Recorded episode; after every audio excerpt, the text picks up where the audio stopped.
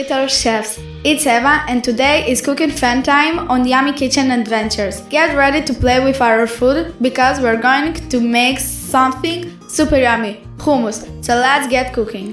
Cooking is like a super cool game where we mix, stir, and create tasty treats.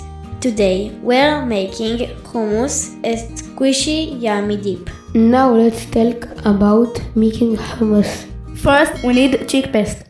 Next, add spoon of tahini, creamy and yummy.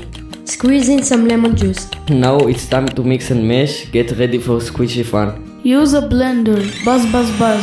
Time to make everything smooth and creamy. A pinch of salt, not too much, just a little dance of flavor. Let's meet some friends how love making hummus. Hi, I'm Mickey and I love adding garlic to my hummus. It makes it super duper tasty. Hey, I'm Liav. I like making hummus with my mom and then adding delicious pita. That was so much fun making hummus together. Cooking is like magical playtime in the kitchen. Thanks for joining Yummy Kitchen Adventure. Keep having fun in the kitchen and until our next cooking adventure, big hugs and happy cooking.